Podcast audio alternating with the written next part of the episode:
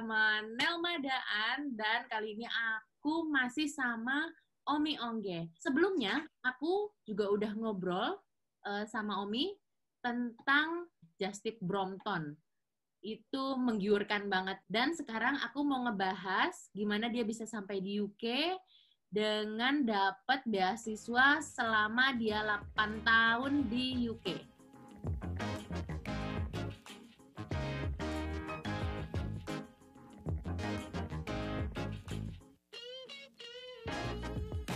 Assalamualaikum warahmatullahi wabarakatuh.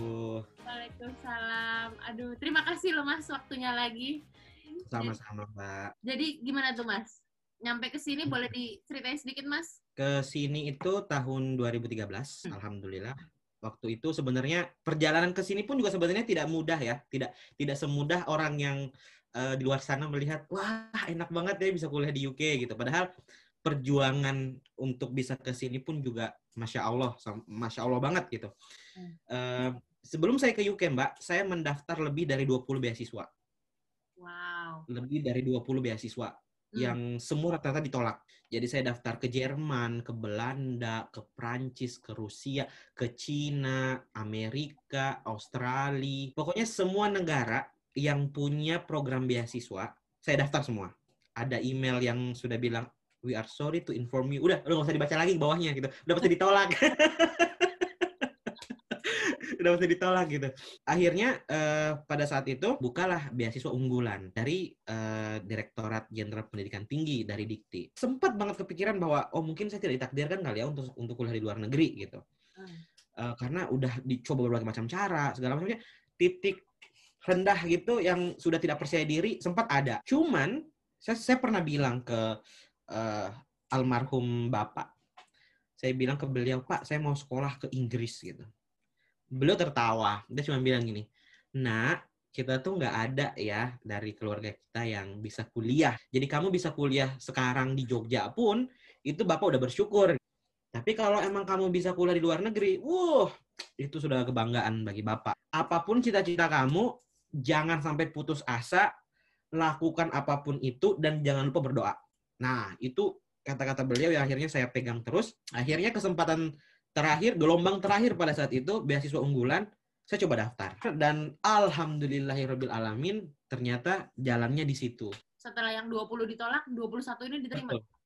Alhamdulillah. Dalam satu tahun nih, kamu ngirim beasiswanya? Satu setengah tahun sih kurang lebih, Mbak. Lulus S1 itu di tahun 2012 dan eh, berangkat ke Inggris eh, 2013. Jadi ya sekitar ada satu setengah satu, satu tahun lebih lah uh, untuk persiapan daftar apa dan segala macam. Jadi sebenarnya kamu awalnya nih cari beasiswa pokoknya mau uh, kuliah asal di, di luar negeri. Di mana aja yang terima. Almarhum bapak itu sudah bilang bahwa saya bisa menyekolahkan kamu nak, cuman bisa sampai S1. Hmm. Itu pun juga saya pun bersyukurnya S1 selama saya S1 Mbak juga alhamdulillah saya beasiswa juga. Oh. Jadi sebenarnya juga alhamdulillah tidak tidak tidak begitu memberatkan orang tua. Cuman karena kondisi beliau saat itu sudah sakit, uh, ditambah juga mama juga sudah sakit akhirnya uh, mau tidak mau saya tidak saya tidak ingin menjadi beban buat uh, keluarga apalagi saya juga masih punya adik-adik. Akhirnya mau tidak mau pokoknya saya harus dapat beasiswa untuk studi lanjut. Sebenarnya sih nggak kepikiran mbak untuk keluar negeri juga gitu. Maksudnya yang penting saya harus S2 uh, beasiswa gitu. Mau dalam negeri mau luar negeri yang mana aja lah gitu. Yang penting saya bisa lanjut studi. Karena cita-cita di awal itu memang pengen dokter. Jadi Mbak kalau di rumah saya dulu di kampung almarhum Bapak tuh nulis nama-nama, nama-nama uh, kita semua bersaudara. Cuman nama saya yang ada tulis dokter. Oh, ya Allah. Nah, jadi emang kayak udah menjadi doa, iya. doa dari beliau yang memang akhirnya penyemangat juga mau tidak mau saya harus mewujudkan mewujudkan itu. Gitu. Mas Omi, jadi asalnya dari mana Mas? Dari Pinrang, uh, Makassar. Kalau kalau dari Makassar itu masih 5-6 jaman lagi Mbak naik bus. Jadi emang dari desa. Ya bisa dikatakan mungkin memang keluarga yang sangat-sangat sederhana. Orang tua tamat SD aja nggak ada Mbak. Karena kendala biaya apa segala macam. Beliau itu kan petani. Hmm. Beliau petani tapi tidak pernah mau kalau saya ikut. Cukup Bapak yang kerja seperti ini kotor-kotor. Kamu harus sekolah. Orang tua alhamdulillah sekarang tapi kamu pasti orang tua kamu bangga banget ini Mi. Jadi abis terima beasiswa S2. Saya uh, dapat uh, program Master of Art Hmm. uh, International Relations and Globalization Studies Hmm. di London Metropolitan University. Hmm. Nah, alhamdulillah saya bisa menyelesaikan studi S2 yang pertama ini kalau dihitung sebenarnya 8 bulan, Mbak. Itu pun juga sebenarnya kenapa bisa eh, selesai dalam 8 bulan, bahkan jadwal submit disertasi itu tuh kayak masih 2-3 bulan lagi, tapi saya sudah submit waktu itu. Karena kadarullah pada saat itu bapak masuk rumah sakit. Dapat telepon dari kampung "Eh, nak kalau bisa pulang pulang. Pikiran ini udah campur aduk apa segala macem. Dan juga saya harus tetap fokus sama kuliah. Akhirnya disertasi dan segala macam saya selesaikan lebih cepat lebih awal dan alhamdulillah hasilnya juga ya masih memuaskan lah alhamdulillah. Sebelum saya pulang ke Indonesia pada saat itu masih kuliah mbak saya sudah daftar beasiswa LPDP Oh. Ya, jadi coba-coba sebenarnya. Karena ketika saya di London, saya satu rumah dengan penerima beasiswa LPDP dan saya selalu menjadi cibiran mereka gitu. Apa sih loh anak dikti cukup buat makan doang kan gitu. Karena memang beasiswa kita ya alhamdulillah cukup, benar-benar cukup gitu. Cukup, cukup banget. Apalagi kamu di London ya. Apalagi kamu Apalagi di London, saya sampai harus tinggal di zona 4. di zona 4 eh, demi untuk bisa eh, saving. Nah, cuman memang karena saya tahu eh, jumlah beasiswanya sekian, segala macam. Sejak awal Mbak saya memang sudah mulai kerja. Saya di awal itu jadi waiters di Chinatown. Saya kerja weekend itu di hari apa jam 10 pagi karena buka jam 12 12 siang, jam 10 pagi sampai jam 1 malam. Oh. Uh, Uh. jadi benar-benar eh, karena kan kita punya ini ya bisa kerja 20 jam per week gitu kan eh, dari visa kita. Nah itu saya manfaatin betul-betul gitu. Pada akhirnya saya eh, mencoba melamar di KBRI kedutaan Oh, oke. Jadi lokal staff gitu ya. internship. Oh, oke. Akhirnya sebelum pulang itu terbukalah pendaftaran LPDP. Akhirnya saya daftar lah, daftar beasiswa LPDP. Orang-orang pada nanya kenapa nggak daftar langsung S3 gitu kan? Nah persyaratan untuk daftar S3 itu sudah harus punya ijazah S2. Pada saat itu sementara saya masih dalam proses belum selesai gitu. Akhirnya saya coba-coba aja gitu. Daftar beasiswa S2 LPDP. Alhamdulillah keterima, alhamdulillah. Sebenarnya tidak berharap banyak ya Mbak, karena kan juga ya coba-cobalah ya. Tahu juga yang namanya penolakan kemarin-kemarin tuh udah nolak apa ditolak beasiswa sampai 20 itu tuh udah udah udah kebal lah namanya ditolak tuh. Nah, akhirnya daftar LPDP ini alhamdulillah keterima. Jadi langsung belum selesai S2 yang pertama, alhamdulillah sudah dapat lagi beasiswa LPDP untuk S2 yang kedua.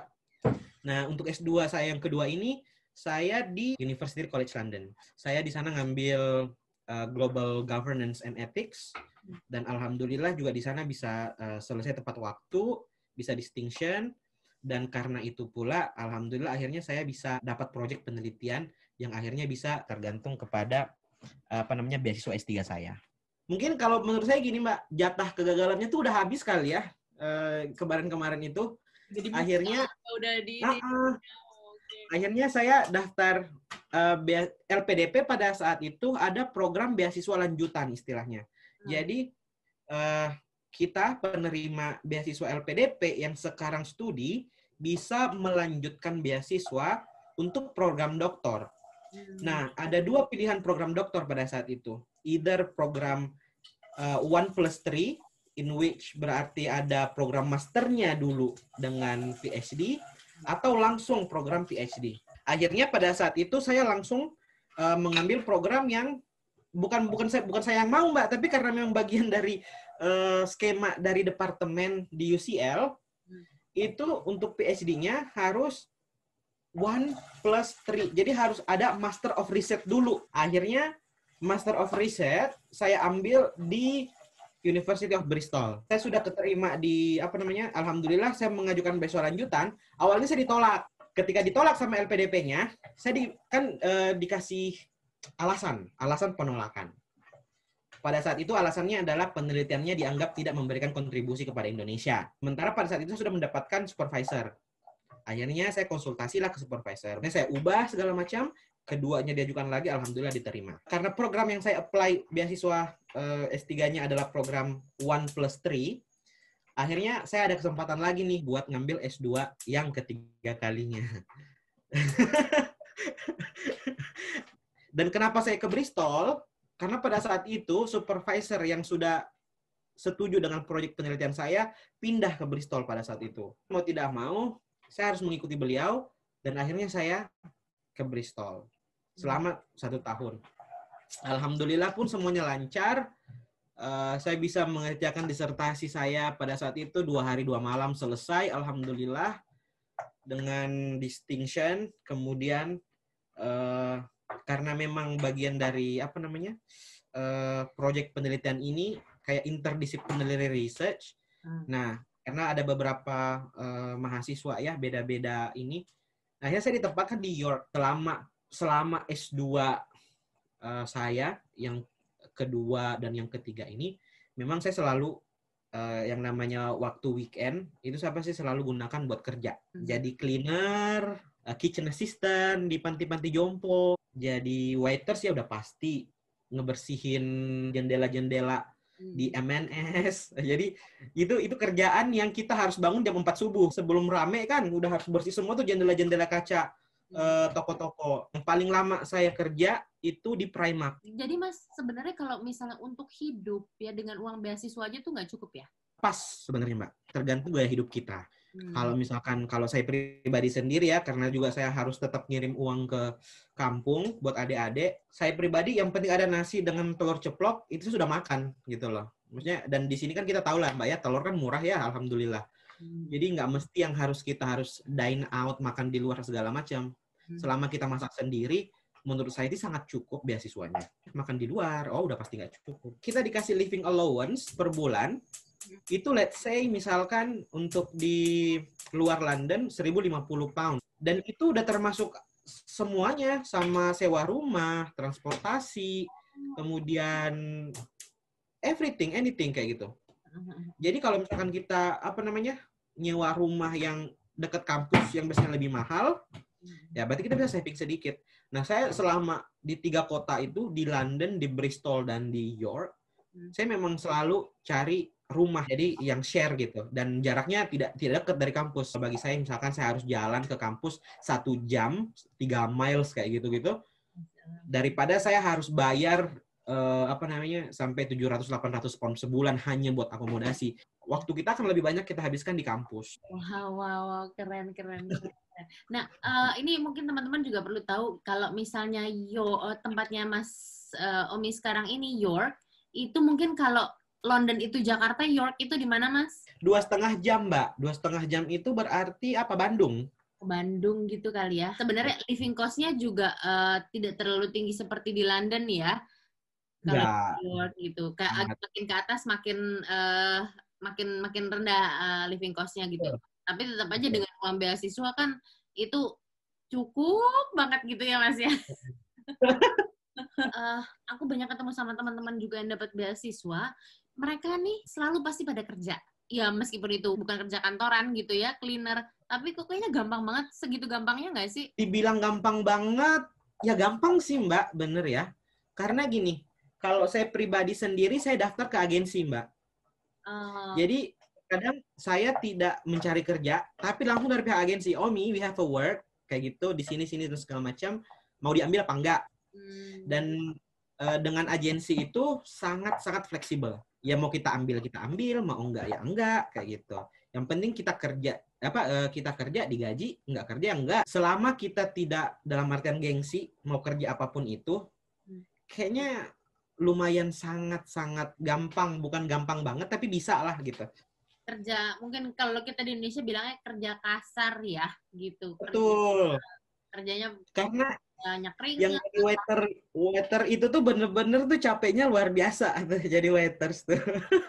Ya, karena di sini teman-teman maksudnya ya labor kan mahal ya untuk uh, kita bayar bayar gaji karyawan tuh mahal. Jadi Bener. restoran itu jangan kaget kalau misalnya restoran gede itu uh, ya waiternya cuma satu orang bisa ya. Betul banget. Saya di restoran Cina yang di London mbak itu dari jam 10 pagi sampai jam 1 malam itu kan cuma berdua. Nah, iya. Apalagi China Dan rame terus kan? uh, Rame terus itu. belum lagi kalau misalkan kita ada apa namanya eh, kita harus bersihin mejanya kita harus eh, apa namanya ngelap piringnya kita juga yang harus menerima pesanan kalau ada yang online aduh itu riuhnya Iya, Chinatown kan nggak pernah sepi. Mas Omi jadi sambil ini selesain untuk eh, PSG-nya juga kerja lagi. iya mbak biasa kerja di cleaning service Kerja. jadi selain jadi eh, Justin Brompton yang hore banget itu gitu, itu juga nanti teman-teman lihat aku kasih linknya di sini. Nah, Mas Omi juga sebagai cleaner. Cleanernya di mana? Jadi perusahaan namanya eh, Porta Cabin.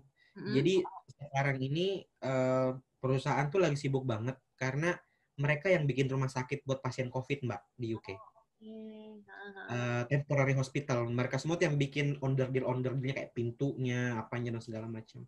Jadi ketika ketika kemarin semua lockdown dan orang semua working from home, ini kita masih semua karyawan masih pada masuk gitu. Dan akhirnya karena kondisi sekarang ini seperti ini, kita cleaner ini eh, dituntut untuk bener-bener kayak lebih kayak dua kali lipat. Jadi Mas Omi ini PhD kandidat, kerjaannya ngosek-ngosek WC gitu. Betul. Teri bener-bener cleaning toilet gitu. Literally toilet, Mbak. Gak ada perasaan malu jadi ya Mas? Gak ada perasaan malu. Nggak ya? ada. Nggak ada sama sekali. Wow. Adik saya juga kalau nanya saya, kakak kerja apa sih di Inggris gitu? Saya bilang ya kerjaan saya bersihin toilet gitu, buat bayar SPP kamu, saya bilang.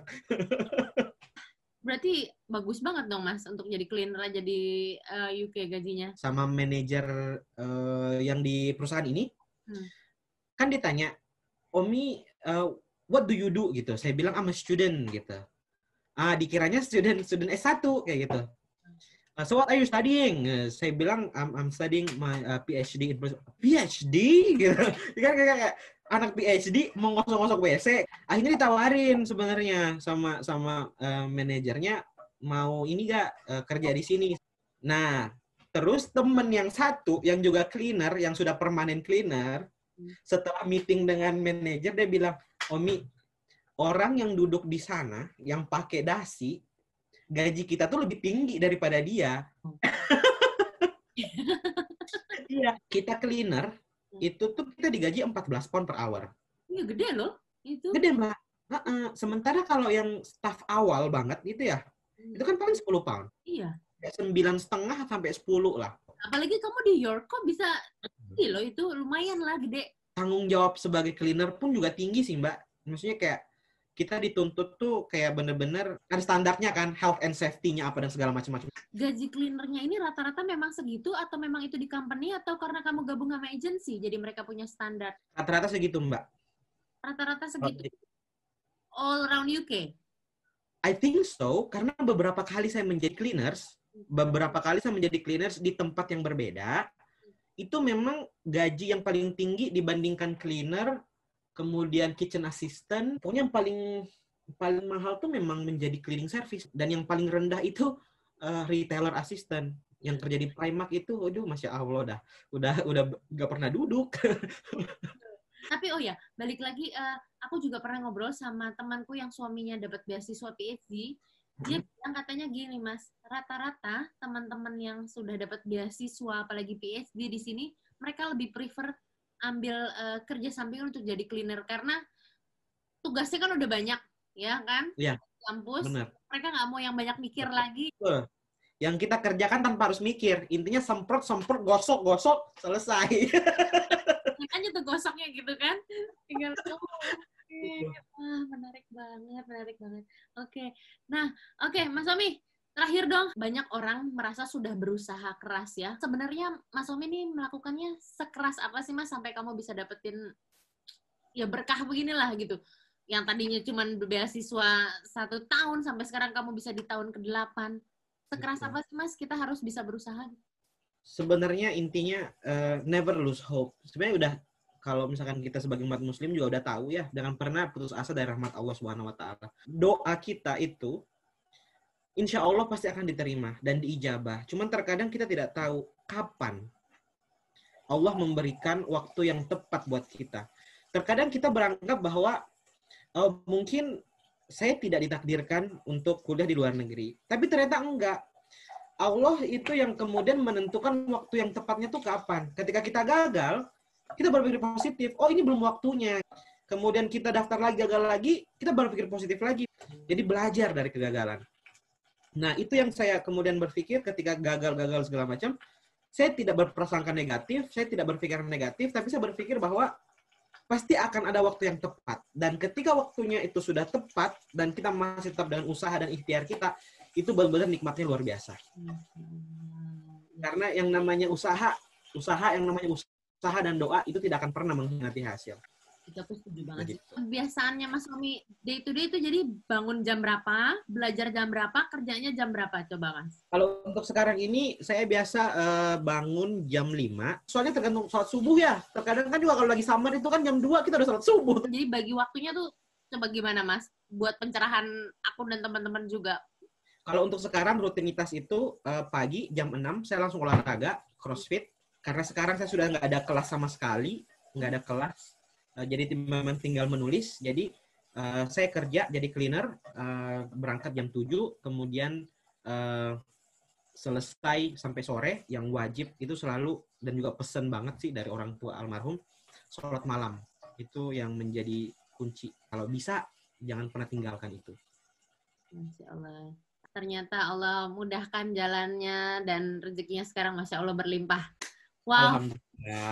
Luar biasa Mas Omi. Terima kasih banyak ini pencerahannya luar biasa. Wow, seru banget loh. Gue sampai narik nafas panjang ini. Mudah-mudahan nanti makin banyak lagi teman-teman yang bisa uh, dapat beasiswa. Yakinlah kalau misalnya kita berusaha dan berdoa, ya Mas Omi aja yang tinggalnya jauh dari uh, kota metropolitan bisa nyampe dan bahkan bisa sampai 8 tahun teman-teman. Betul, anak desa. Benar-benar literally anak kampung. Oke lah kalau gitu banyak banget info pelajaran bisa diambil. Mas Omi, terima kasih sekali lagi atas waktunya sharing. Mudah-mudahan bermanfaat. Sukses terus, sehat terus. Salam untuk keluarga. Kalau teman-teman nanti ada pertanyaan bisa komen di video bawah ini nanti aku sampaikan ke Mas Omi. Gitu ya Mas Omi ya? Oh, gitu. Terima kasih banyak Mas Omi. Sampai ketemu lagi. Assalamualaikum.